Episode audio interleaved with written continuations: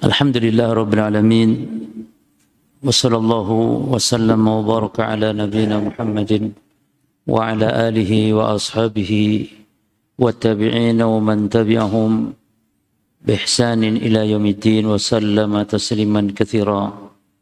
أما بعد para jamaah kaum muslimin wal muslimat rahimani wa rahimakumullah. Kita melanjutkan membaca kitab Al-Irsyad ila Sahih al-I'tiqad. Wa raddu ala ahli syirk wal ilhad kitab an bimbingan ila Sahih al-I'tiqad kepada kebenaran akidah atau kepada akidah yang benar dan bantahan kepada ahli syirki wal ilhad kepada kaum yang berbuat kesyirikan dan yang menyimpang. Pada pembahasan yang lalu ini kita di pembahasan tentang sejarah munculnya kesyirikan di tengah-tengah manusia. Ya. Pada pembahasan yang lalu dibawakan oleh mu'alif perkataan Ibnu Abbas yaitu antara Adam dan kaum Nabi Nuh atau antara Adam dan Nuh itu sepuluh kurun, sepuluh generasi yang semuanya mereka di atas Islam atau di atas Tauhid. Ya, berarti muncul kesyirikan pertama kali adalah di zaman kaum Nabi Nuh. Dan sebabnya adalah karena al-gulu fi salihin bersikap berlebihan dalam mengagungkan, memuliakan orang-orang saleh. Ya. Tapi kita baca perkataan penulis wa awalu ma hadatha asyirk fil ardi fi qaumin nuh hina ghalau fi salihin. Dan syirik pertama yang terjadi di muka bumi terjadi pada kaum Nuh. Jadi saat mereka bersikap berlebihan kepada orang-orang saleh. Dan itu Allah abadikan di dalam surah uh, Allah abadikan dalam surah Nuh dalam Al-Quran. Wa qalu la tadarunna alihatakum wa la tadarunna waddan wa la suwa'an wa la yagutha wa ya'uqa wa nasra. Mereka mengatakan janganlah kalian tinggalkan sesembahan-sembahan kalian, jangan pula kalian tinggalkan wad wad wad itu nama orang saleh dari kaum Nuh. Wad demikian pula suwa' Yaguth, Ya'uq dan Nasr. Ini mereka ini adalah kata Imam Bukhari ya menukil perkataan Ibnu Abbas. Jadi yang lima orang tadi itu hadihi asma'u rijalin salihin min qaumin Nuh. Mereka adalah nama orang-orang soleh dari kaum Nuh. Falamma halaku au hasyaitun ila qaumihim. Ketika mereka telah yakni telah meninggal maka syaitan membisikkan kepada kaumnya an ansibu ila majlisihim allati kanu yajlisuna fiha untuk mereka membuat patung di majlis-majlis ya, yang mereka dulu pernah bermajlis wa semua bi asma'iha atau bi asma'ihim dan lalu dinamakanlah orang-orang soleh eh, patung-patung itu dengan nama orang-orang soleh tersebut. Taib. Dan inilah bahayanya apa para? Bahayanya tentang masalah gambar makhluk bernyawa. Termasuk gambar-gambar ya makhluk hidup baik itu bentuk patung atau gambar. Nah, Imam Ibnu Qayyim belum menjelaskan masalah ini. Kita baca perkataan beliau, qala ghairu wahidin minas salaf banyak dari para salaf yang berkata lamma matu ketika mereka meninggal akafu ala kuburihim mereka beriktikaf di kubur-kubur orang soleh tersebut. Summa sawwaru tamasilahum lalu mereka membuat tamasilahum gambar-gambarnya makhluk. Atau gambar-gambar makhluk bernyawa dari orang-orang soleh tersebut. Summa alaihimul amad fa'abaduhum. Lalu berjalannya waktu, akhirnya yang awalnya hanya untuk sekedar berdiam diri di kuburan tersebut, di kubur-kubur orang soleh tersebut, akhirnya lama-lama mereka pun mengibadahinya.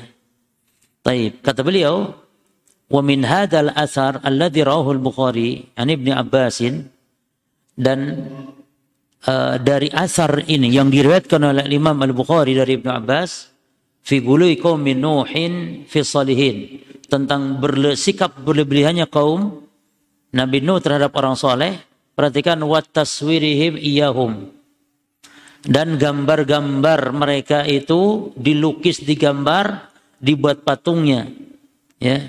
Wal ikhtifadhi biswarihim. Wal ihtifad dan dijaganya dipelihara. Gambar-gambar mereka wa nasbiha alal majalis. Dibuatkan ya di majlis-majlis mereka.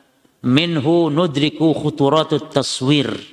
Nah ini dia. Kita garis bawah ini darinya kita dapat mengetahui khuturah bahayanya at-taswir. Ya. Bahayanya apa? Taswir gambar makhluk bernyawa.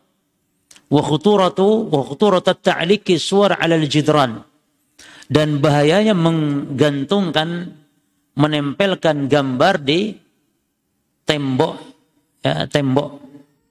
Nah wa khutura nasbit tamathil fil mayajini wasyawari dan bahayanya me, memasang patung-patung gambar-gambar di mayajin wasyawari di jalan-jalan di lapangan-lapangan sebagai monumen wa anna dzalika ya'ulu nasi ila syirik ya. maka hal itu bisa menyeret bisa menghantarkan manusia jatuh kepada kesyirikan ya. bisa menghantarkan manusia jatuh kepada kesyirikan yang menarik di sini para jemaat tentang masalah patung ini atau tentang gambar makhluk bernyawa ini adalah para ulama membahas tentang masalah sholat di gereja tentang masalah sholat di gereja. Ya. Sebagian ulama membolehkan sholat di gereja dengan syarat tidak ada patungnya. Gambar makhluk bernyawanya ditiadakan atau minimal ditutup dengan kain. Subhanallah. Kalau ada gambar makhluk bernyawa maka tidak boleh haram sholat di gereja. Jadi sholat di gereja itu diharamkannya oleh ulama yang membolehkan itu karena ada gambar makhluk bernyawanya. Ya. Oleh karena itu Ibnu Abbas eh, apa namanya yusalli fi al-bi'ah Ibnu Abbas itu beliau sholat di al-bi'ah. Bi'ah itu tempat ibadahnya Yahudi. Atau sebagian mengatakan dia juga adalah tempat ibadah Nasrani disebut al-bi'ah. Sebagian mengatakan al ini ya mirip dengan al-kanisa, gereja. Itu Ibnu Abbas sholat di gereja, tidak masalah. Illa bi'atan fiha tamathil. Kecuali gereja yang ada gambar makhluk bernyawanya. Subhanallah para jemaah. Maka ini ketika dikaitkan gambar makhluk bernyawa ya dengan masalah kubur Kata Imam Ibnul Qayyim menunjukkan bahwa dua hal ini, kuburan dan gambar makhluk bernyawa, ini saling berkaitan erat, dua-duanya membawa fitnah. Fitnah jatuhnya manusia kepada kesyirikan. Ya. Maka keliru kalau sebagian orang membolehkan gambar makhluk bernyawa asal tidak disembah. Membolehkan gambar makhluk bernyawa asal tidak disembah katanya. Justru jemaah dilarangnya gambar makhluk bernyawa karena akan menghantarkan sebagai sarana akan menghantarkan nantinya kepada kesyirikan. Ya. Kalau gambar makhluk bernyawa memang untuk disembah bukan haram lagi, itu kufur namanya. Kalau di rumah seorang muslim ada berhala yang disembah, ya kekufuran itu namanya. Ini ndak foto makhluk bernyawa apalagi foto foto gambar mempunyai seorang tokoh ya kiai kah ustadz kah ulama kah itu justru dilarang keras para jemaah ya. Oleh karena itu para ulama juga membahas gambar makhluk bernyawa itu boleh ya boleh jikalau untuk dihinakan maka boleh diduduki maka kalau ditikar itu agak longgar jemaah Tikar ada gambar bernyawanya agak longgar karena untuk diduduki. Apalagi di keset ya. Di keset ada gambar makhluk bernyawa tambah boleh. Karena memang untuk diinjak-injak, untuk dihinakan. Jadi tidak boleh itu untuk dipajang, dimuliakan. Termasuk para ulama membahas tentang gambar bernyawa apabila ada di baju. Maka ini nggak boleh karena terpajang. Ya, kecuali mungkin baju di dalam dalaman kita pakai baju luar polos itu boleh. Ya. Ada baju kaos hadiah dari partai ya biasanya. Lalu dipakai buat baju dalaman. Boleh enggak? Boleh. Lumayan. Dalaman tapi. Jadi ditutup. Jangan dipakai ke mana-mana di luar. Ya. Taib. Nah ini para jemaah sekalian bahasan tentang sholat di gereja ya. Ya kalau kita mau simpulkan, sholat di gereja ini memang ada beberapa, ada tiga pendapat lah minimal. Ya. Yang pertama melarang mutlak, mau ada gambar mau tidak, karena itu tempat ibadah orang kafir. Ya. Karena dalilnya adalah Nabi dilarang oleh Allah sholat di masjid tiror. Nabi dilarang. Lah itu kan masjid, tapi dibangun untuk merusak oleh orang-orang munafikin. Maka Allah apa namanya berfirman kepada nabinya kata Allah wala takum fihi abadan. Ya. Maka jangan kau Muhammad salat di Masjid Dirar selama-lamanya. La masjidun usisa ala taqwa min awwali yaumin ahaku an takuma fi. Dan masjid yang dibangun di atas dasar ketakwaan dari mulai awal dibangunnya, maka lebih berhak untuk kamu sholat di situ. Kata Allah. Dan ini menunjukkan dari dari ayat yang mulia ini ini surah At-Taubah ya. Ini surah At-Taubah ayat yang ke 108 menunjukkan bahwa sholat di tempat maksiat itu tidak boleh. Sholat di tempat yang di situ Allah dimaksiati. Masjid diror dibangun untuk memaksiati Allah, untuk kekufuran. Maka sebagian ulama berdalil dengan ayat itu nggak boleh sholat di gereja. Termasuk tidak boleh sholat-sholat di tempat yang khusus untuk maksiat. Sholat di diskotik barangkali.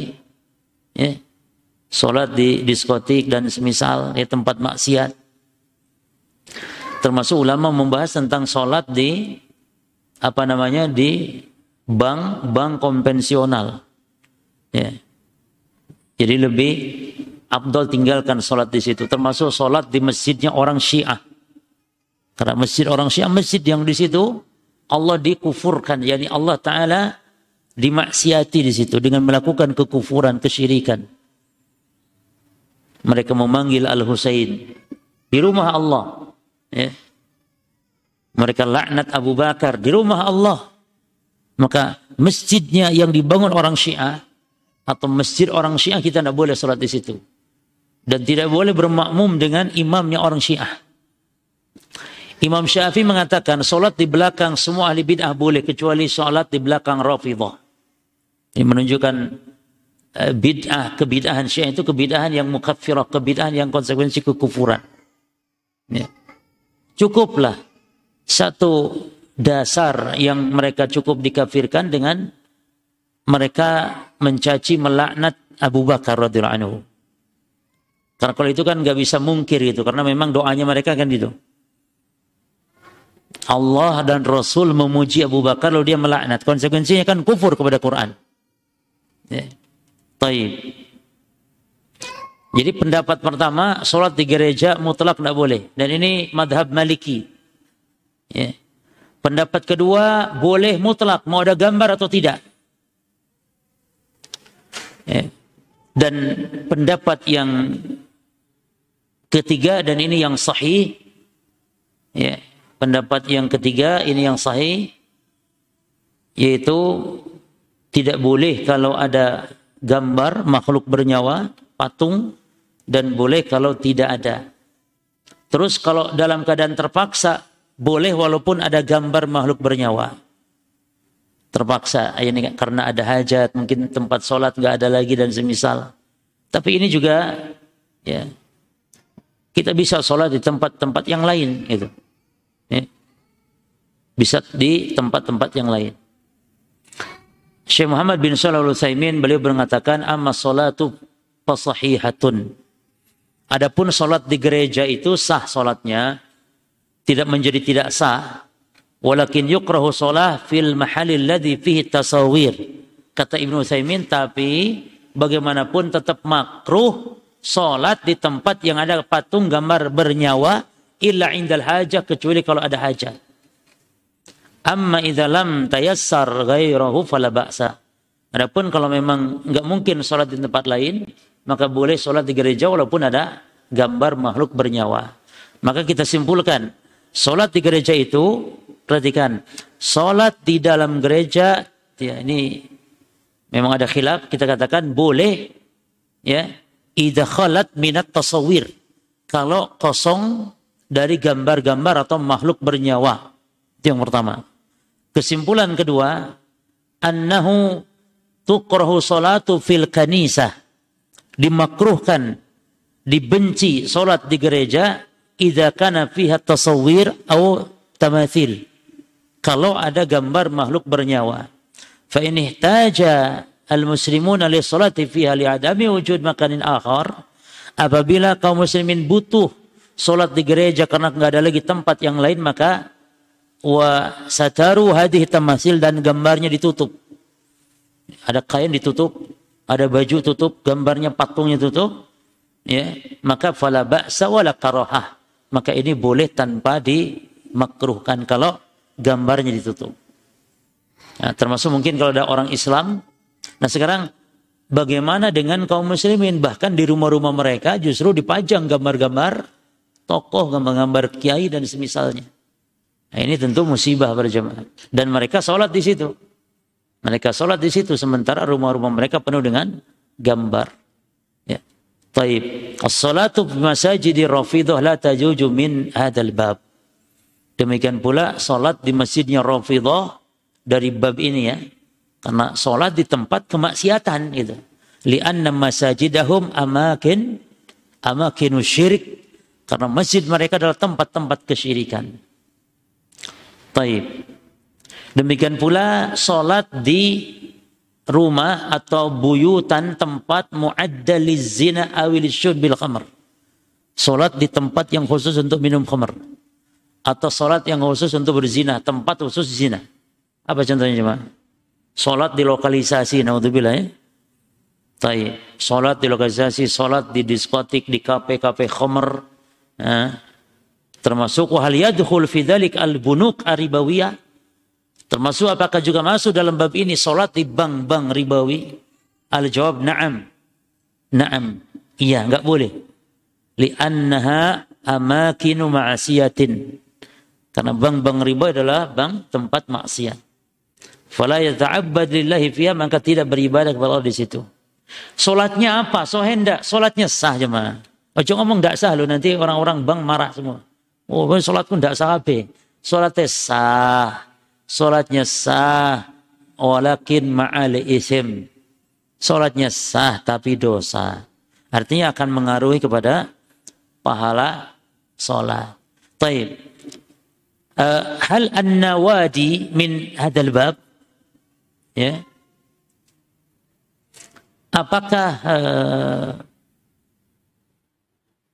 an-nawadi, an-nawadi itu apa ya semacam kayak kafe-kafe dan semisal. Ya. Maka kalau ini dirinci ya karena kafe itu kan bukan tempat maksiat murni ya. Ini yang tempat maksiat gitu, murni. Kalau kafe-kafe kan tidak. Kalau stadion, gimana? Sholat di stadion, oh, atau nah, stadion tempat yang mubah, boleh sholat di situ. Misalnya sholat id di stadion, di lapangan sepak bola. Itu tempat yang mubah. Eh, boleh sholat di situ. Taib. Kita lanjutkan perkata al-imam atau perkataan Imam ibnu al-Qayyim rahimahullah. Walihada jal islamu bitahrimi taswir wa la'nil musawwirin. Oleh karena itu Islam datang dengan membawa hukum haramnya gambar makhluk bernyawa dan dilaknatnya kaum penggambar, kaum yang suka menggambar. Orang-orang yang melukis, bukan yang memotret cuma ya, karena memotret itu bukan melukis. yang melukis. Wa tawa'udihim bi asyaddil wa'id. Dan mereka diancam dengan seberat-berat ancaman. Yaitu wa anahum asyadun nasi adzaban yaumil qiyamah itu mereka adalah seberat-berat siksa azab di hari kiamat para penggambar. Ini sebagai bentuk apa cuma sad dan lid dari ati syirik. Sebagai bentuk untuk menutup jalan menuju sarana-sarana kesyirikan. Wabti'adan an mudahati khalqillahi azza dan untuk menjauhkan dalam rangka menyerupai ya dalam penciptaan. Jadi diharamkannya yang melukis gambar makhluk bernyawa itu dari sisi apa jemaah? Dari sisi menseterai Allah dalam penciptaan. Itu dari segi haram besarnya itu. Ya, yakni mudahatun yakni menyerupai, menandingi, menyaingi Allah dalam menciptakan manusia, makhluk bernyawa. Di situ unsur syiriknya itu syirik pada rububiyah. Ya. Wa nudriku min hadhil kisah dan kita menjumpai dari kisah ini itu kisah bagaimana kaum Nabi Nuh dahulu mereka agungkan dan setan membisikkan kepada mereka agar dibuatlah gambar-gambar makhluk bernyawanya patung-patungnya. Ini menunjukkan apa dari kisah ini? Madda hirsi syaitan yakni kesungguhan syaitan ala igwa ibani Adam untuk menggelincirkan Bani Adam. Jadi setan itu tidak main-main dalam menggelincirkannya. Wa makrihi bihim dan menunjukkan makar syaitan kepada Bani Adam demikian serius. Ya. Wa nuqadiyatihim min nahiyati istiglali al-awatib wa da'awa at-targibi fil khair. Jadi setan masuk dari sisi apa? Dari sisi istiglalil awatif. Ya, yakni menggugah emosi gitu, wa da'wat targhib. Ya, dan dengan dalih ingin berbuat baik. Itu. Jadi caranya gitu. Dibuatkanlah patung-patung ya dalam rangka untuk apa? Ya, untuk mengenang, kemudian dalam rangka untuk keterkaitan dengan mereka orang saleh dan dalam rangka ingin berbuat kebaikan. Fa innahu lamma ra'a fi qaumin Nuhi ya ulu'ahum bisalihin. Manakala syaitan melihat yakni ulu'ahum kegandrungan kaum Nabi Nuh bisalihin kepada orang-orang soleh ya. Dan secara umum manusia demikian cuma. Lihat masyarakat di kita Indonesia ini sangat gemar suka ya mengagungkan orang-orang soleh begitu adab sopan kepada orang-orang soleh Nah, itu setan masuk dari jalur situ. Demikian kaum Nabi Nuh dulu sangat gemar mengagungkan ya eh, kepada orang-orang saleh. Wa muhabbatahum lahum dan kecintaan mereka kepada orang-orang saleh. Kaum Nabi Nuh dulu. Maka da'ahum ilal gulu ya sehingga apa namanya menghantarkan eh, menyeru mereka untuk berbuat berlebihan fi hadhihi al-muhabbah yakni mengajak mereka untuk berbuat berlebihan dalam kecintaan. Yani dimanfaatkannya kaum Nabi Nuh, dimanfaatkannya kaum Nabi Nuh oleh syaitan, gitu ya, untuk akhirnya bersikap berlebihan sampai akhirnya menyembahnya. Tapi bihaitsu amarahum yaitu syaitan memerintahkan mereka bin nasbis suwari at-tadka at-tadkariyah. Nah, setan memerintahkan kaum Nabi Nuh untuk membuat ya apa namanya gambar-gambar maupun nyawa yang tujuannya tadkiyah untuk mengenang saja. Ya lahum. Hadafuhu min dzalika at-tadarruj. Nah tujuannya itu setan cara menggelincirkannya perjamaah tadarruj bertahap. Pertama ya buat sajalah dulu gambarnya untuk mengenang. Ya sudah. Setelah itu zaman ya terus berlalu. Akhirnya naik derajat. Bukan sekedar mengenang tapi iktikaf, ya merenung, bersemedi di kuburannya. Belum disembah belum. Berjalan lagi waktu, berjalan waktu lama-lama dikatakan ini itu Robmu ini. Ini Tuhanmu. Akhirnya disembah. Ya. Demikian bertadaruj ya. yakni fi ikhraji minal haqqi ila dhalal untuk menyeret mereka selangkah demi selangkah dari kebenaran kepada kesesatan. Kemudian walam yaksur nadharuhu alal hadirin.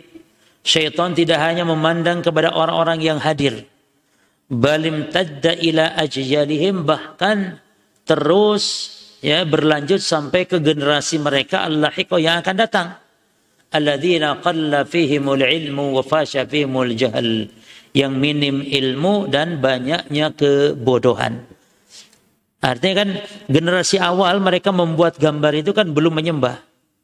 Dan setan tidak masalah. Ya wes nggak disembah. Tapi kan generasi berikutnya, berikutnya dan berikutnya.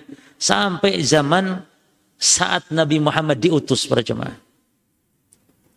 Dan terus berlangsung sampai Nabi diutus pun tetap sekarang masih ada kesyirikan di poin ini. Yang mengagungkan orang-orang soleh berlebihan terus sampai hari kiamat akhirnya. Ha, demikian apa yang dikatakan oleh Imam Nuqayyim balim balim tadda ila ajyalihim al-lahiqah alladzina qalla fihimul ilm wa fasha fihimul jahl fajayana lahum ibadata hadhihi suwar. Lalu setan pun menghiasi penyembahan kepada berhala atau patung-patung gambar makhluk bernyawa tersebut. Wa uqa'ahum fi syirkil akbar sehingga setan pun berhasil menjerumuskan mereka jatuh kepada syirik besar. Itu menyembah gambar makhluk bernyawa tersebut. Ya. Wa kabaru ya. dan eh, apa namanya? Sampai mereka pun akhirnya kaum Nabi Nuh kabaru bersikap kibir sombong menantang Nabi Yahum kepada Nabi mereka Nabi Nuh biqaulihim ya, dengan perkataannya. Ya. Taib la tadarunna alihatakum. Jangan kalian tinggalkan ya menyembah sesembahan Tuhan-Tuhan kalian. Wala tadarunna dan jangan pula tinggalkan wadda wala su'a wa yauqa ya. wa yaguth wa, wa yaguth wa yauqa nasr. Jangan pula tinggalkan lima orang ini. Terus Kata Imam bin Qayyim, perhatikan jemaah. Waqad tala'aba syaitanu bil musyrikina fi ibadatil asnam bi kulli qaumin ala qadri uqulihim. Subhanallah. Perkataan beliau ini benar. Kita perhatikan sekarang coba. Sungguh syaitan telah tala'ab mempermainkan orang-orang musyrik dalam beribadah kepada berhala-berhala dan masing-masing kaum setan tahu sesuai dengan kadar akalnya. Sesuai dengan kadar akalnya orang-orang musyrik tersebut. Kan sebagian mereka berhalanya adalah patung, ada yang berhalanya sapi, ya. Bahkan ada yang ular. Sesuai dengan kadar akal mereka. Ya. Fata'ifatu da'ahum ila ibadatiha min jihati ta'zimil mauta. Sebagian mereka setan mengajaknya itu kepada nyembah dari sisi pengagungan orang yang telah mati. Alladzina sawaru kama fi qaumi Nuh sebagaimana ya yang setan buat pada kaum Nabi Nuh. Wa hadha sababu wal ghalib ala awamil musyrikin.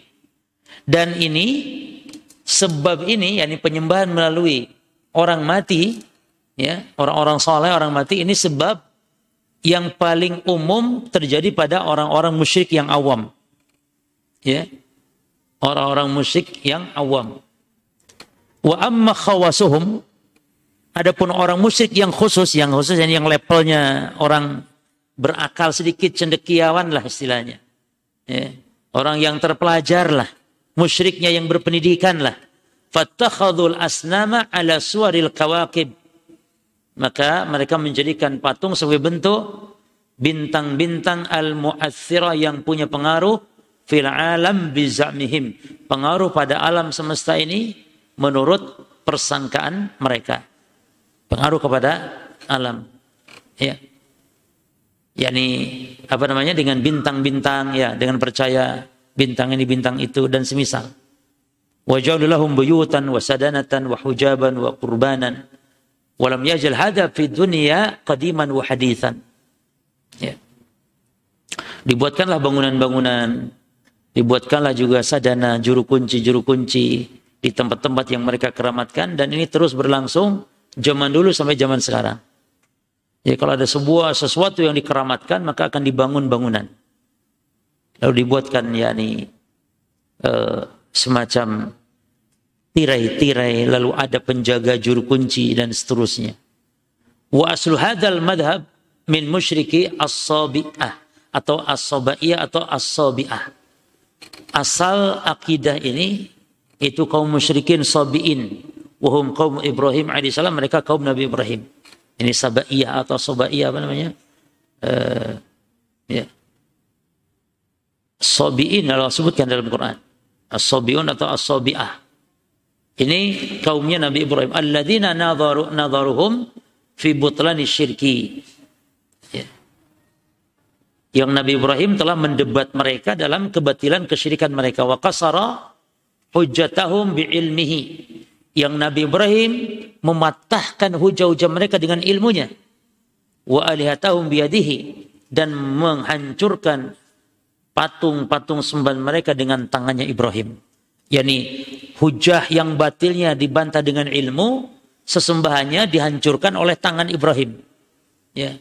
Fatalabu tahriquhu akhirnya mereka meminta untuk Nabi Ibrahim agar dibakar. Taib ini segolongan pertama ya. Wa taifatun ukhra, segolongan yang lain, itakhadat lil qamari sanaman. Mereka menjadikan bulan sebagai sesembahan, sebagai berhala.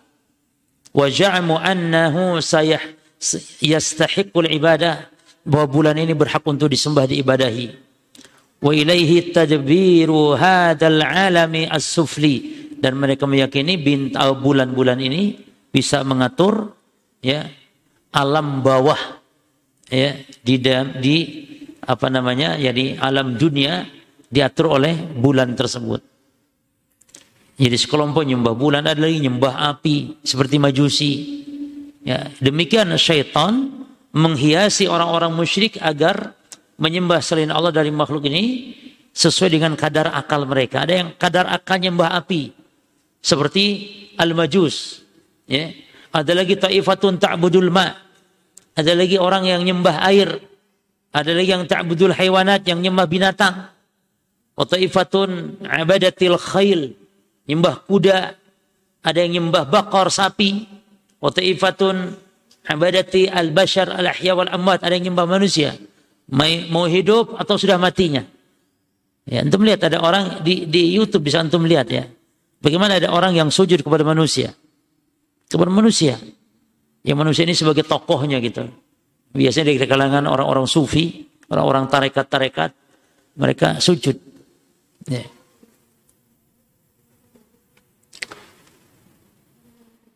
Demikian ada yang menyembah apa lagi? Al-jin. Wataifatun ta'budul syajar, nyembah pohon. Wataifatun ta'budu al-malaika, nyembah malaikat sebagiannya. Jadi macam-macam nyembah itu jemaah ya sesuai dengan kadar apa akal mereka. Taib.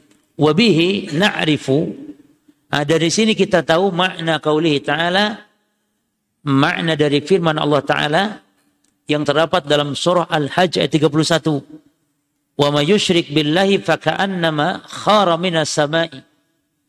Maka siapa yang berbuat syirik kepada Allah maka seolah-olah dia telah terjatuh dari langit. Fatakhtafuhu tayr yang mana dia disambar oleh burung atau tahwi bihir rihu atau dibawa oleh angin fi makanin sahik ke tempat yang jauh. Orang berbuat syirik itu seperti jatuh dari atas, jatuh dari ketinggian, jatuh dari langit. Satu dari dua kemungkinan. Ima dicabik-cabik oleh burung pemakan bangkai, dicabik-cabik oleh burung, atau dia diterbangkan oleh angin. Ini perumpamaan yang demikian indah pada jemaah. Tentang bagaimana orang-orang musyrikin. Ya. Demikian pula firman Allah wa qaulillahi ta'ala. Arbabun mutaf nanti akan dijelaskan bagaimana dicabik-cabik oleh burung ya perumpamaan ini. Kita baca dulu perkataan Syekh di sini ayat yang beliau bawakan yang lainnya. Arbabun mutafarriquna Apakah sesembahan-sesembahan selain Allah yang yang mutafarikun, yang beraneka ragam itu? Ini ada eh, benda-benda uh, langit ya, bintang bulan, ada benda-benda manusia, yang ada manusia, ada benda berupa pohon, batu, ada hewan. Nah ini yang beraneka ragam sesembahan ini. Apakah mereka sesembahan-sembahan selain Allah yang baik? Amillahil wahidul qahar. Atau Allah lah yang baik. Sesembahan yang al-wahidul qahar. Sesembahan yang maha esa lagi maha perkasa. Ma ta'buduna min dunihi. Apa kalian sembah? apa yang kalian sembah selain Allah? Maka illa asma'an sammaitumuha antum wa abahum. Dia yang kalian sembah selain Allah tidak lain hanyalah nama-nama yang kalian buat-buat oleh kalian dan nenek moyang kalian. Ma'anzalallahu biha min sultan. Allah tidak menurunkan apa namanya suatu bukti ataupun keterangan. Nah, kemudian Allah menyebutkan lagi dalam surah Az-Zumar ayat 29. Tadi surah Yusuf ya, ayat 39. Sekarang surah Az-Zumar Allah mengatakan daraballahu masalan rajulan fihi syuraka'u. Allah membuat perumpamaan itu seorang rojulan hamba sahaya ya yang mana fihi syuraka yang dimiliki oleh banyak tuan. Seorang budak itu ya yang dimiliki oleh banyak tuan ya mutasyakisuna. Yakni uh, apa namanya? Dalam perselisihan ya kan tuan yang satu ingin nyuruh ini, tuan yang lainnya nyuruh yang itu, lain lagi. Budaknya ini pusing. Demikian orang musyrik yang Tuhannya banyak. Dia pusing dia. Warajulan salaman lirajulin hal yastawiyani matalan. Dan ada budak yang dipelihara, dimiliki penuh hanya oleh seorang tuan saja. Maka apakah kedua hamba saya itu sama keadaannya? Tentu jawabannya tidak. Maka demikianlah bagaimana gambaran yang digambarkan oleh Allah tentang keadaan orang-orang musyrik yang menyembah selain daripada Allah dari makhluk-makhluk ini. Nah, demikian akhirnya kata Syekh di sini, haula il musyrikuna. Demikianlah mereka orang-orang musyrik lamma taraku ibadat Allah. Manakala mereka menyembah kepada selain Allah yang meninggalkan ibadah kepada Allah semata la syarika lahu wa khuliqu min ajriha. Padahal mereka tujuan diciptakan adalah untuk beribadah hanya kepada Allah. Wabiha sa'adatuhum. Dan dengan menyembah Allah saja mereka merasakan akan adanya kebahagiaan. Ya. Mereka apa namanya wabiha dengan menyembah Allah sa'adatuhum kebahagiaan mereka ubtulu bi ibadati syayatin maka mereka mereka pun dikuasai oleh syaitan wa tafarraqat bihim al ahwa wa syahwat yang mana al-ahwa, hawa, nafsu dan syahwat itu tafarqat mencari berikan mereka.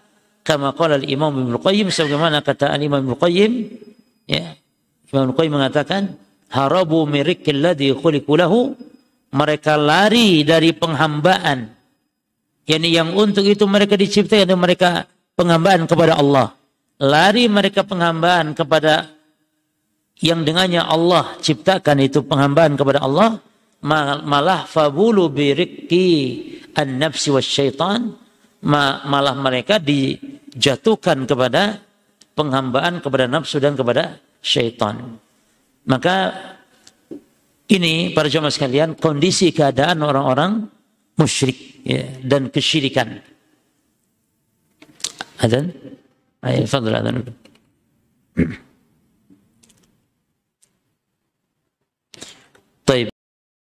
Sambung nanti setelah adzan subhanakallah wa bihamdika asyhadu an la ilaha illa anta astaghfiruka wa atubu assalamualaikum warahmatullahi wabarakatuh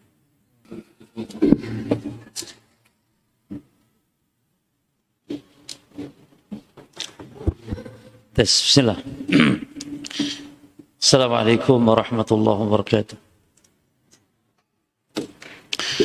الحمد لله رب العالمين وصلى الله وسلم وبارك على نبينا محمد وعلى آله وأصحابه أجمعين أما بعد Para jamaah kaum muslimin wal muslimat rahimani wa rahimakumullah. Qala Syekh Salih bin Fauzan bin Abdullah Al-Fauzan hafizahullah.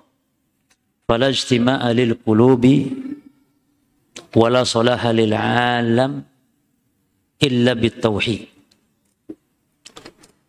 Tidak akan ada ketenangan bagi hati dan tidak akan ada kebaikan bagi alam semesta ini illa bitauhid kecuali dengan tauhid. Kama qala ta'ala sebagaimana Allah Ta'ala berfirman amittakhadu alihatan minal ard Apakah mereka mengambil Tuhan-Tuhan dari bumi. Hum yunshiruna. Yang dapat yakni menghidupkan orang-orang yang mati. Laukana fihi ma'alihatun ilallah. Maka seandainya pada keduanya itu langit dan bumi alihatun ilallah seandainya pada keduanya itu langit dan bumi ada ilah-ilah ini selain Allah, lafasadata tentunya akan hancur, akan rusak. Ini kalau Allah itu ada apa namanya ada banyak Tuhan-Tuhan ya, selain Allah tentu lafasadata. Fasubhanallahu ya, fasubhanallahu rabbu atau rabbil arsy amma yasifun. Maksudnya Allah yang memiliki aras dan apa yang mereka sifatkan. Artinya lafad lafasadata akan hancur akan rusak bumi ini kalau ada yakni uh, ada ilah-ilah selain Allah di muka bumi akan rusak. Berarti sebaliknya dengan bertauhid kepada Allah maka bumi akan menjadi tenang, akan menjadi uh, aman ya, dari kerusakan. Walidzalika idza khalatil ardu minat tauhid demikian pula kalau bumi ya sepi dari tauhid, kosong dari tauhid, qamatil qiyamah maka terjadilah kiamat. Sebagaimana dalam hadis Muslim dari Nabi, la taqumu sa'at tidak akan terjadi kiamat hatta la yuqalu fil ardi Allahu Allah atau Allah Allah. Tidak terjadi kiamat sehingga tidak lagi disebut di bumi ini lafaz atau kalimat Allah Allah. Ini kalau sudah rusak semua tidak lagi bertauhid, barulah Allah menghancurkan dunia ini, menghancurkan alam semesta ini. Wa mislu tafarruqil musyrikin al-awwalina fi ibadatihim maka sebagaimana dahulu orang-orang musyrikin yakni mereka bercerai-berai, mereka beraneka ragam dalam penyembahan kepada sesembahan-sembahan mereka, maka tafarruqul kuburiyun al-yauma. Maka demikian pula orang-orang yang musyrik dari kalangan kaum muslimin yang mereka menyembah, mengagungkan, memuja kubur-kubur orang soleh pada saat sekarang. Fi ibadatil kubur dalam mengibadahi kuburan. Jadi tidak kita nafikan berjamaah. Ada orang-orang Islam yang uh, mereka memuja, mengagung-agung kubur, sengaja datang ke kuburan. Di antara mereka ada yang hanya tawasul saja kepada orang yang telah mati namun di antara mereka juga banyak yang memang meminta-minta kepada ahli kubur. Ini kita tidak menafikannya. Maka kullu minhum lahu dharihun khasun yataqarrabu ilaihi bi anwa'il ibadah. Maka masing-masing ya dari kuburion tersebut punya makam sendiri-sendiri. Ini punya kuburan wali sendiri-sendiri yang mereka bertakarub kepada kubur tersebut dengan berbagai macam ibadah. Entah itu sholat, baca Quran, macam-macam. Jadi punya eh, kuburan-kuburan uh, tertentu ya, yang sebagian mengagungkan kuburan yang ada di mana, ya, ada yang di negeri mana ya kuburan wali fulan, ya punya tujuan masing-masing. Ini punya yakni makam-makam yang khusus, kubur-kubur yang khusus. Ada yang hobinya hanya ke Jawa Tengah saja, Jawa Tengah saja. Ada yang Jawa Timur saya enggak mau. Ada yang khusus Pasuruan, Pasuruan khusus ada ke Pasuruan saja. Ada yang maunya ke Yaman ya Hadramaut saja misalnya. Nah, demikian ini punya tempat-tempat khusus. Ya. Wa kullu tariqatin perhatikan maka setiap tariqah min turuki sufiyah dari tarekat-tarekat sufi lah syekhun memiliki syekh yang yani ittakhadahu muriduhu rabban yang sebagian diangkat oleh murid-muridnya sebagai rabban yani sebagai sesembahan karena namanya nyembah itu bukan berarti sujud gitu enggak ya mah.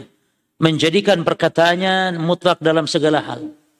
Pokoknya halal kata dia halal, dia halalkan. Apa yang kata dia haram, dia haramkan. Walaupun syariat sebaliknya. Kan ini termasuk berjenis bentuk menyembah berjemaah. Ingat bagaimana Adi bin Hatim ketika ya Nabi mengatakan bahwa ittakhadu Nabi membaca ayat ittakhadu ahbarahum wa ruhbanahum arbaban min dunillah. Mereka orang-orang Yahudi, orang-orang Nasrani menjadikan rahib-rahib Eh, pendeta-pendeta mereka sebagai sesembahan selain Allah. Adi bin Hatim seolah protes karena dia tidak pernah nyembah pendeta. Adi bin Hatim kan mantan pendeta. Adi bin Hatim itu mantan pendeta atau mantan Nasrani lah ya. Bukan mantan pendeta tapi mantan beragama Nasrani. Lalu seolah protes, ya Rasul, kami dulu tidak nyembah pendeta. Tidak ada kami yang nyembah pendeta. Taib kata Nabi, bukankah mereka mengharamkan apa yang Allah halalkan atau menghalalkan apa yang Allah haramkan. Lalu kalian pun ikut menghalalkan apa yang Allah haramkan. Kalian pun ikut-ikutan mengharamkan apa yang Allah halalkan. Kata Adi bin Hatim, oh kalau itu betul ya Rasul. Kalau itu betul, apa yang pendeta haramkan ya kami haramkan. Enggak melihat benar tidaknya. Apa yang pendeta halalkan ya kami halalkan. Kalau itu benar ya Rasul. Apa kata Nabi? Fatilka ibadatuhum. Itulah bentuk kalian mengibadahi mereka. Nah, kan sekarang banyak. Bahkan banyak yang berlebihan. Kalau antum lihat di YouTube saja, kita lihat bagaimana mereka sujud kepada mursyid-mursyid torikoh tersebut. Sujud. Kalau cium tangan bolak-balik begini itu sudah uh, biasa. Bahkan sampai diatur caranya. Hmm, ini, ini, boleh ini. Kalau ini nggak boleh, harus ini sedikit. Ada caranya. Ya. Ada yang ditapuk pakai sandal. Ya. Jadi berbaris ibu-ibu kadang perempuan ditapuk pakai sandal satu-satu sama mursyidnya. Nah, ini. Ya. Jadi Rabban min dunillah yasra'u lahum minad-din ma lam ya'dan bihillah. Yani syekh tersebut mensyariatkan agama bagi mereka yang tidak diizinkan oleh Allah. Wa hakadha Demikianlah para jamaah sekalian talak abas syayatinu bi bani Adam. Demikianlah syaitan mempermainkan bani Adam. Jadi kan antum lihat macam-macam manusia jatuh kepada kubangan kesyirikan dengan berbagai model gitu ya. Ada yang menjadikan sebagai jimat-jimat, ada yang cuman yang paling banyak memang kubur dari sisi kuburan ya, pengagungan kepada kubur. Ya. Wala najata min syarrihi. Perhatikan. Dan tidak akan ada yang selamat dari keburukan syaitan tersebut. Wa makri dari makar syaitan tersebut. Illa bi tauhidillahi. Kecuali dengan mentauhidkan Allah. Wal i'tisam bi kitabi wa surati rasulhi dan berpegang teguh dengan Al-Qur'an dengan kitabullah dan sunnah rasulnya.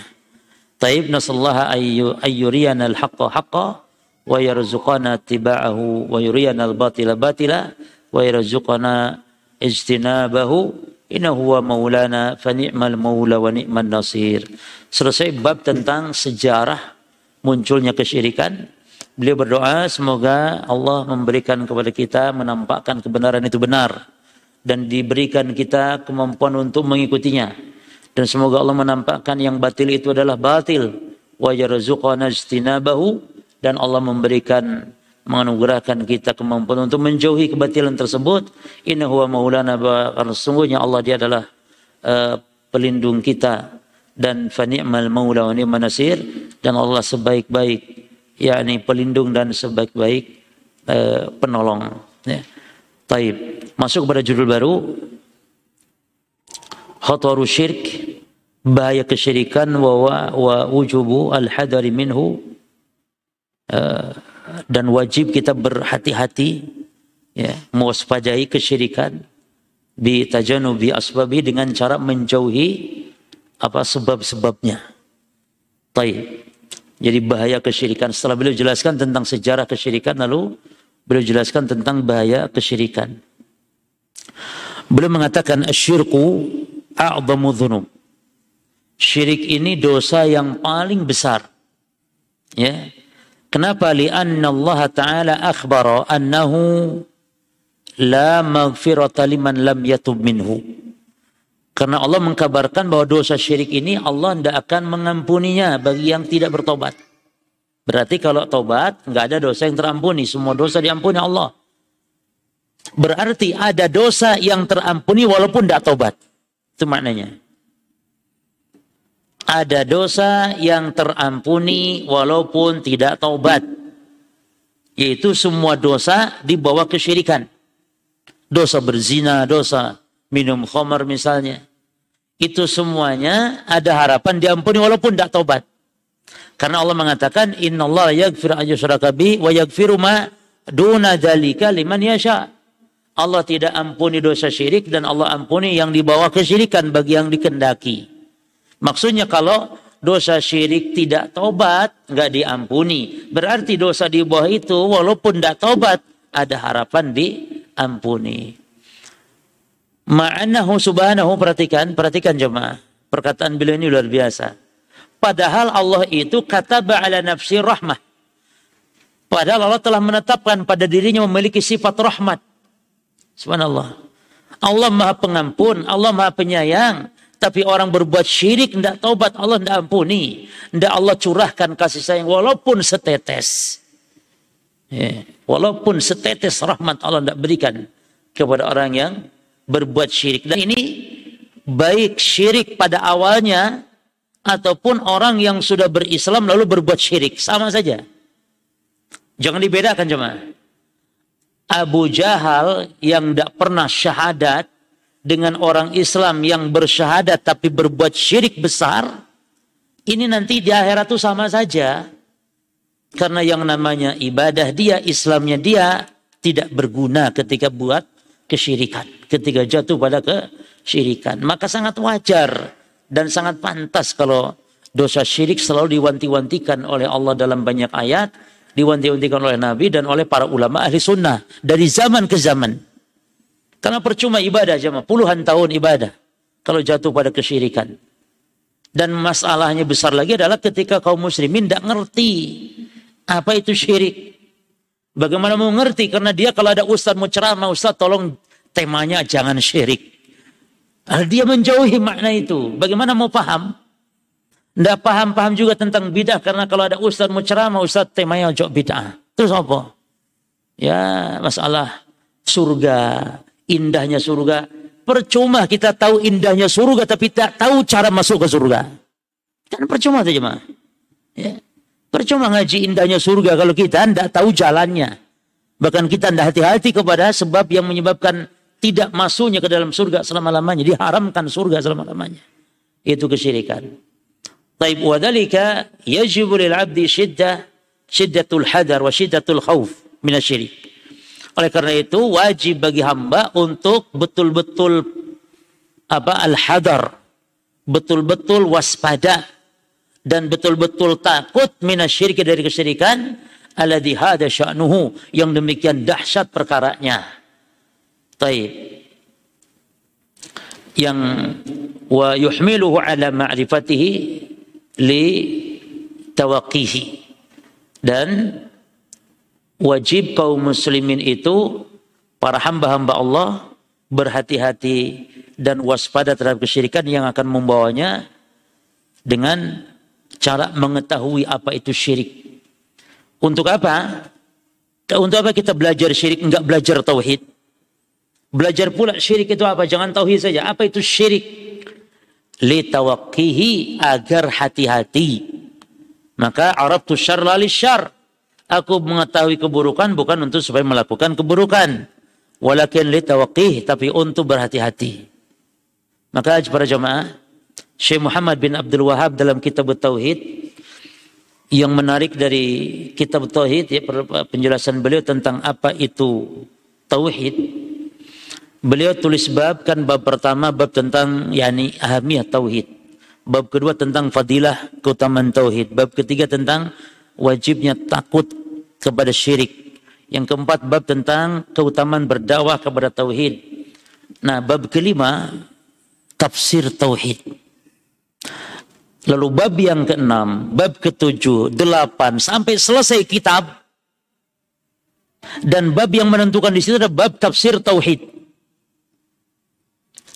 yang mana beliau menjelaskan tafsir tauhid adalah di bab-bab berikutnya sampai akhir kitab adalah dengan apa perjamaah penjelasan tauhid beliau itu dengan berbagai macam kesyirikan Syirik pada lisan, syirik perbuatan, sarana menuju kepada kesyirikan. Pokoknya beliau menjelaskan tauhid itu dengan berbagai macam kesyirikan. Apa itu syirik? Berbagai macam syirik. Ini maknanya berarti menjelaskan sesuatu dengan lawannya cuma. Ya. Dan itu kata para ulama fadiddiri fadiddiri fadiddihi atau fa dengan lawannya tatabayyanul asya. Fadiddiri fadiddihi did itu lawan fadiddihi ya maka dengan lawannya tatabayyanul asya menjadi jelaslah sesuatu. Yani kalau ingin tahu tauhid pelajari apa itu syirik. Kalau ingin tahu apa itu sunnah pelajari bid bid'ah. Nah sekarang masyarakat sebaliknya tidak mau dia mempelajari syirik. Maka nggak pernah mereka ngaji apa itu syirik. Seolah-olah di kamus mereka nggak ada kesyirikan. Umat ini kalau sudah tauhid nggak ada namanya syirik kata mereka. Sehingga banyak yang berjatuhan, bergelimpangan jatuh ke kubang-kubang kesyirikan tanpa sadar. Ya. Dan yang aneh bin ajaib yang jatuh itu orang yang hafal Quran. Hafal Quran, hafal kiroah sab'ah, hafal kiroah asyarah hafal tajwidnya Masya Allah, maharijul hurufnya, fasih bacaannya. Kadang-kadang pinter juga bahasa Arabnya, tapi kenapa jatuh pada kesyirikan? Ya, karena mereka mempelajari Islam ini bukan mempelajari dengan cara mentadaburi, tapi hanya sekedar ritual-ritual. Baca Quran hanya sekedar untuk ritual. Ada orang mati baca Quran, pindah rumah baca Quran, laris dagangan baca Quran, opoi baca Quran, urip seret baca Quran panggil ustaz di rumah baca Quran. Gak ada mereka mentadaburi Al-Quran dengan benar. Apa itu syirik, apa itu tauhid. Bahkan justru mereka pobi mendengar kata-kata syirik. Mereka pobi tidak mau mendengar kata-kata bid'ah. Nah, itu di antara sebabnya para jemaah. Ya. Taib. Li'annahu akbahul qabihi wa adlamu zulm. Karena kesyirikan adalah seburuk-buruknya keburukan dan sebesar-besarnya kedoliman. Qala Allah Ta'ala, Allah Ta'ala berfirman, Inna syirka la zulmun azim. Sesungguhnya kesyirikan adalah kedoliman yang paling zalim. Wadhalika, kenapa syirik itu kok dosanya lebih, kenapa syirik ya menyekutukan Allah, itu kok kedoliman paling besar. Kenapa dia lebih besar daripada uh, berzina sekalipun, membunuh sekalipun. Perhatikan para jamaah, sebabnya ini dia. Li'annahu tanakus tanakus lillah azza wajal karena dia itu bentuk menghinakan meremehkan me, apa namanya kurang ajar dia kepada Allah. Syirik itu kurang ajarnya kepada Allah. Wa musawatun li ghairihi bih. Dan mensetarakan selain Allah dengan Allah. Makhluk yang lemah hina diserupakan dengan Allah. Maka ini mengatakan Allah mengatakan alladzina kafaru bi rabbihim ya'dilun orang-orang kufur kepada mereka kepada Rabb mereka, orang-orang kafir, orang-orang yang kufur kepada Rabb mereka ya'dilun. Jadi mereka ber, berpaling. Allah mengatakan juga fala taj'alu lillahi andadan wa antum ta'lamun. Jangan kalian jadikan Allah andad tandingan-tandingan ya kesetaraan-kesetaraan wa antum ta'lamun sementara kalian mengetahui. Taib. Kemudian ini satu ya, karena bentuk tanaqqus lillah. Yang kedua, li anna syirik munaqidun lil maqsudi bil khalq. Karena kesyirikan itu membatalkan tujuan penciptaan makhluk ini. Tujuan makhluk diciptakan apa? Untuk bertauhid agar manusia ini beribadah nyembah Allah. Nah, nah, malah berbuat syirik. Maka sehingga membatalkan maksud bil khalqi wal amr membatalkan tujuan penciptaan dan membatalkan perintah Allah. Antum lihat orang yang meninggalkan perintah Allah ya, berbuat syirik itu dengan meninggalkan perintah Allah. Karena perintah Allah adalah tauhid.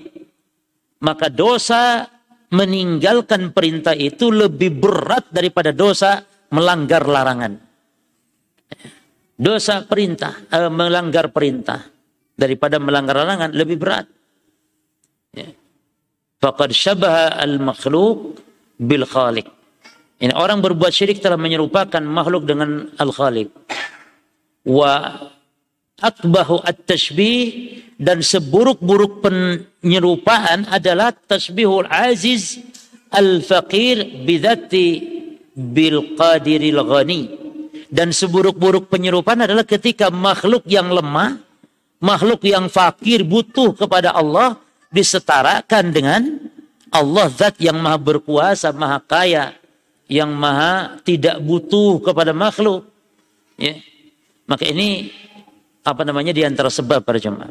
Makanya para jemaah, pensetaraan dengan Allah itu dosa besarnya dari sisi ada unsur kesyirikan di situ sehingga kebid'ahan itu pun ada unsur pensetaraan dengan Allah dalam pembuat syariat, dalam pembuatan syariat.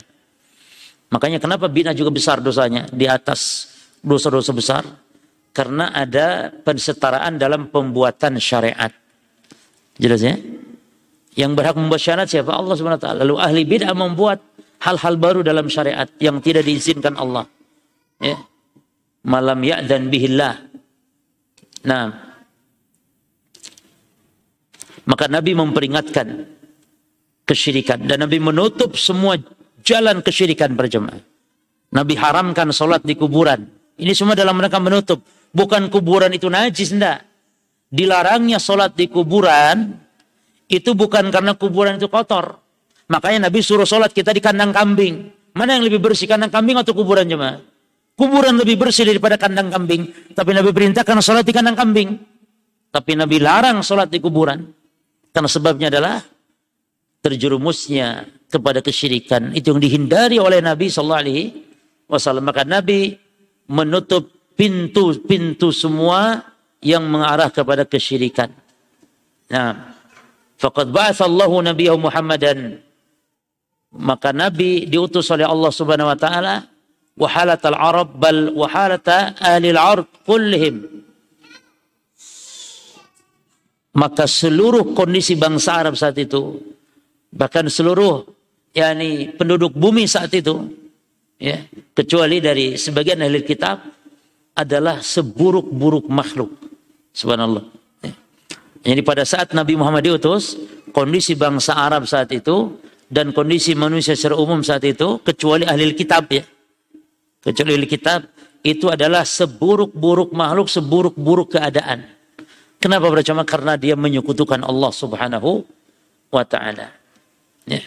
Nah, ketika kondisi demikian, Nabi Muhammad SAW diutus ya oleh Allah Subhanahu wa taala. Taib.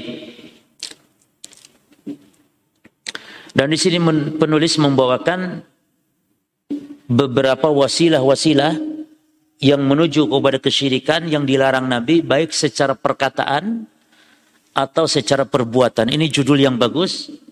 Sarana kesyirikan baik perkataan atau perbuatan yang dilarang oleh Nabi. Sarana menuju kesyirikan baik perkataan atau perbuatan yang dilarang darinya oleh Nabi sallallahu alaihi wasallam. Ya. Contoh yang pertama dulu, Naha Rasulullah sallallahu alaihi wasallam anit talaffuz bil alfat. Nabi melarang melafadkan mengucapkan perkataan-perkataan allati fiha taswiyah yang di dalamnya ada pensetaraan bain Allah baina khalqihi antara Allah dan makhluk. Contoh, Nabi melarang mengucapkan masya Allahu wa syi'ta atau laulallahu wa anta. Atas kehendak Allah dan kamu. Atau kalau tidak ada Allah dan kamu. Ya, dan Nabi menyebutkan gantinya atau solusinya yaitu masya Allah thumma syita. Itu boleh. Namun yang paling abdul cukup satu saja masya Allah wahdah. Maka urutan menyandarkan kehendak kepada Allah itu Ya, ada tiga urutan jemaah. Urutan yang paling afdol, Masya Allah wahdah. Urutan kedua, Masya Allah summa syi'ta. Ini boleh. Dan urutan ketiga yang syirik, yaitu Masya Allah wa syi'ta. Ya. Taib. Yang kedua, Nabi melarang anil guluwi fi ta'zimil kubur Nabi melarang untuk berlebih-lebihan dalam pengagungan kubur dengan cara apa? Dengan cara apa kubur diagungkan? Bil bina'i bih. bil binai alaiha. Mengagungkan kubur itu dengan dibangunnya. Itu mengagungkan kubur nama itu tidak boleh. Membangun kubur, bentuk pengagungan kubur ini bukan syirik, bukan. Bukan, bukan perbuatan syirik, bukan. Tapi perbuatan yang akan menghantarkan kepada kesyirikan. Solat di kuburan kepada Allah, solat kepada Allah di kuburan bukan syirik. Tapi yang akan menghantarkan kepada kesyirikan. Ya, Kubur diagungkan dengan cara apa lagi tadi? Dengan cara dibangun. Ya. Dengan cara dibangun. Taib. Lalu dengan cara apa lagi? Wa isrojiha. Dengan cara dikasihnya lampu-lampu penerangan. Kalau dikasih lampu listrik karena gelap kuburan tidak masalah. Buat jalan orang barangkali. Ini ndak di, di, di, dinyalakan lampu ini dalam rangka pengagungan kubur tersebut. Yang ketiga buat siha di tembok.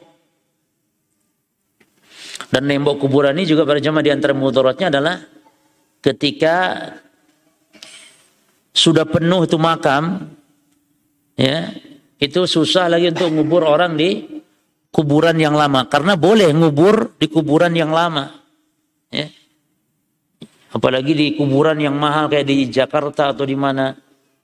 Itu sampai dan dan itu konon kabarnya. Itu nanti lama-lama itu dibongkar lagi itu. Hanya ngontrak mungkin sampai jasad jenazah itu sudah kira-kira sudah jadi tulang. Nah, digali lagi. Jadi bukan selamanya. Hanya berarti cuma ngontrak 20 juta barangkali per seumur jenazah itu ya. kalau di Papua kita juga di Papua itu suka kalau nguburkan jenazah itu beli kuburannya. Tergantung kelas ya. Kalau yang dekat-dekat dengan pinggir jalan itu nggak masuk dalam itu kelasnya ya 20 juta. Ada yang kelas 17, ada yang kelas 7 juta agak ke dalam. Ya. Tergantung kelas. Belinya sama orang Papua. Belinya. Dan kadang yang galinya orang Papua. Orang Nasrani. Kita tahu-tahu sudah boleh tidak seperti itu jemaah? Ya sebenarnya kewajiban mengurus jenazah itu ya kaum muslimin. Ya jemaah, kewajiban kita. Hakul muslim ala muslim situn. Ya, hak muslim atas muslim enam. Di antaranya adalah dia antar ke jenazah, antar jenazahnya dan termasuk ngurusi jenazah. Ya. Baik. Wa al-kitabati 'alaiha dan menulisinya. Inilah bentuk-bentuk al-gulu ya, berlebihan fi ta'zimil kubur dalam pengagungan kubur. Apa yang pertama dibangun, yang kedua dinyalakan lampu, yang ketiga ditembok, yang keempat ditulisinya. Taib. Terus bentuk penjagaan penutup atau ditutupnya pintu kesyirikan oleh Nabi adalah yang ketiga naha anittikhadil kubur masajid. Nabi melarang kuburan dijadikan tempat salat. Lianna dzalik wasilatun liibadatiha karena wasilah untuk menyembahnya. Ya. Ini kan nyata terang tuh jemaah. Penjelasan-penjelasan seperti ini terang benderang sebenarnya. Ya.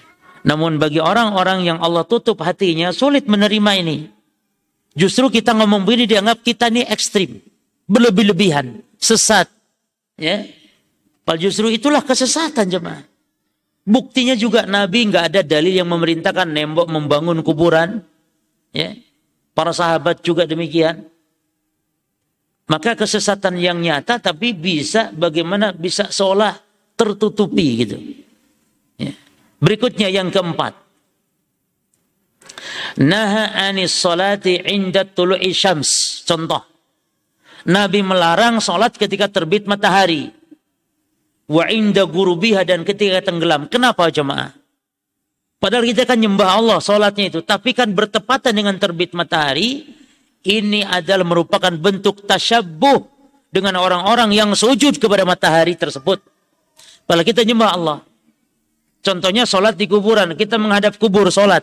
Padahal kita nyembahnya nyembah Allah karena kubur di arah kiblat kita. Tetap nggak boleh walaupun nyembah Allah. Karena apa? Karena dilarang oleh Nabi ini adalah pintu wasilah sarana menuju kepada kesyirikan. Ya. Terus yang kelima, naha anis safari ila ayi makanin minal amkinah.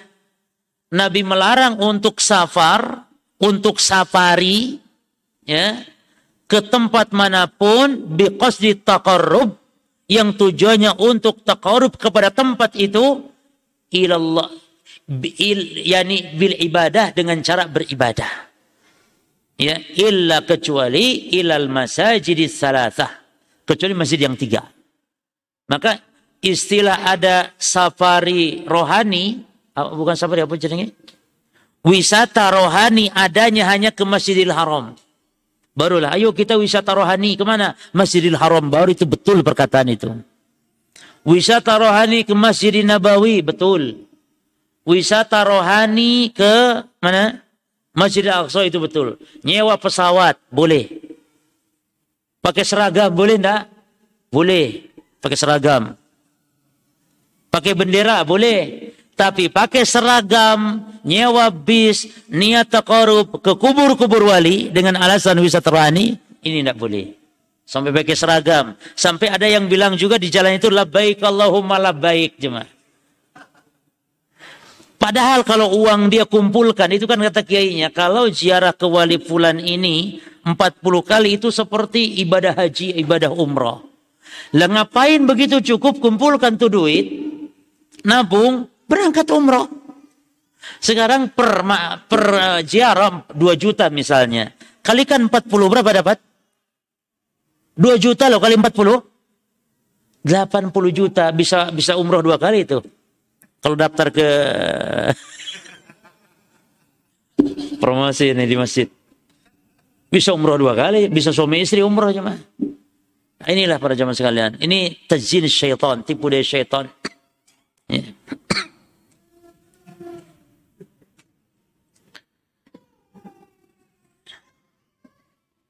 Yang dua lagi, dua lagi. Keenam, wa naha sallallahu alaihi wasallam anil ghulu fi madhihi subhanallah. Nabi melarang untuk memuji beliau berlebih-lebihan. Nabi larang, la tutruni kama atratin nasara ibnu Maryam. Jangan kalian berlebihan memuji aku seperti orang Nasrani memuji Maryam. Eh, seperti orang Nasrani memuji Isa, putra Maryam. Ya, inama ana abdun, aku hanya seorang hamba, faqulu Abdullah wa rasuluh. Nah, al-itra itu apa coba? Mu'al mubalaghah fil madhi. Berlebihan dalam memuji. Yani menempatkan sesuatu yang bukan pada tempatnya. Menyanjung Nabi Muhammad berlebihan itu dilarang oleh beliau. Ya. Yang ketujuh terakhir, wanaha sallallahu alaihi wasallam anil wafa'i bin nadri. Perhatikan.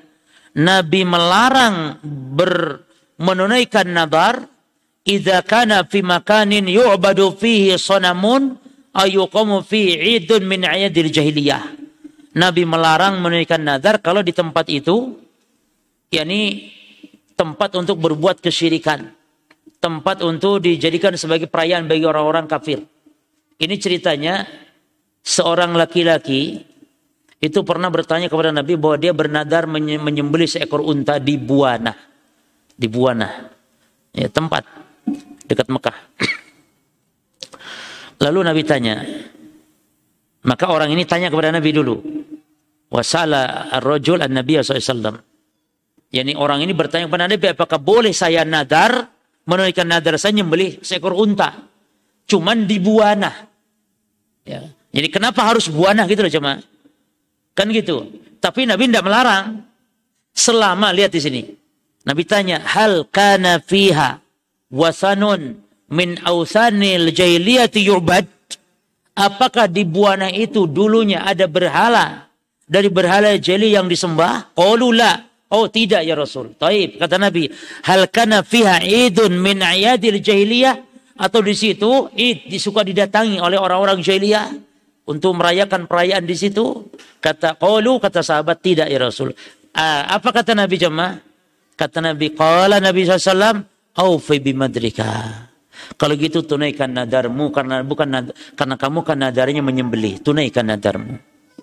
Fa innahu la la nadhara fi ma'siyatillah wa ma fi ma la yamliku Adam. Karena tidak karena apa namanya kata Nabi karena tidak ada pun nadar dalam maksiat kepada Allah atau nadar dalam perkara yang tidak dimiliki Bani Adam.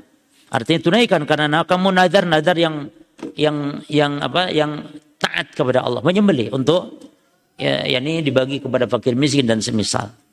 Nah ini semua cuma, ini cuma tujuh ya, padahal banyak sekali sarana-sarana wasilah-wasilah yang ditutup oleh Nabi agar manusia tidak jatuh kepada kesyirikan. Ini menunjukkan apa bahayanya kesyirikan. Ya. Tapi bisa kita cukup. Insya Allah nanti kita lanjutkan kembali dari poin setelah pembahasan wasilah-wasilah baik perkataan atau perbuatan yang dilarang oleh Nabi agar manusia tidak jatuh kepada kesyirikan. Allah taala alam. Wassalamualaikum Muhammad wa ala alihi wa sahbihi wasallam ajma'in. Subhanakallahumma bihamdika asyhadu an la ilaha illa anta astaghfiruka wa. Assalamualaikum warahmatullahi wabarakatuh.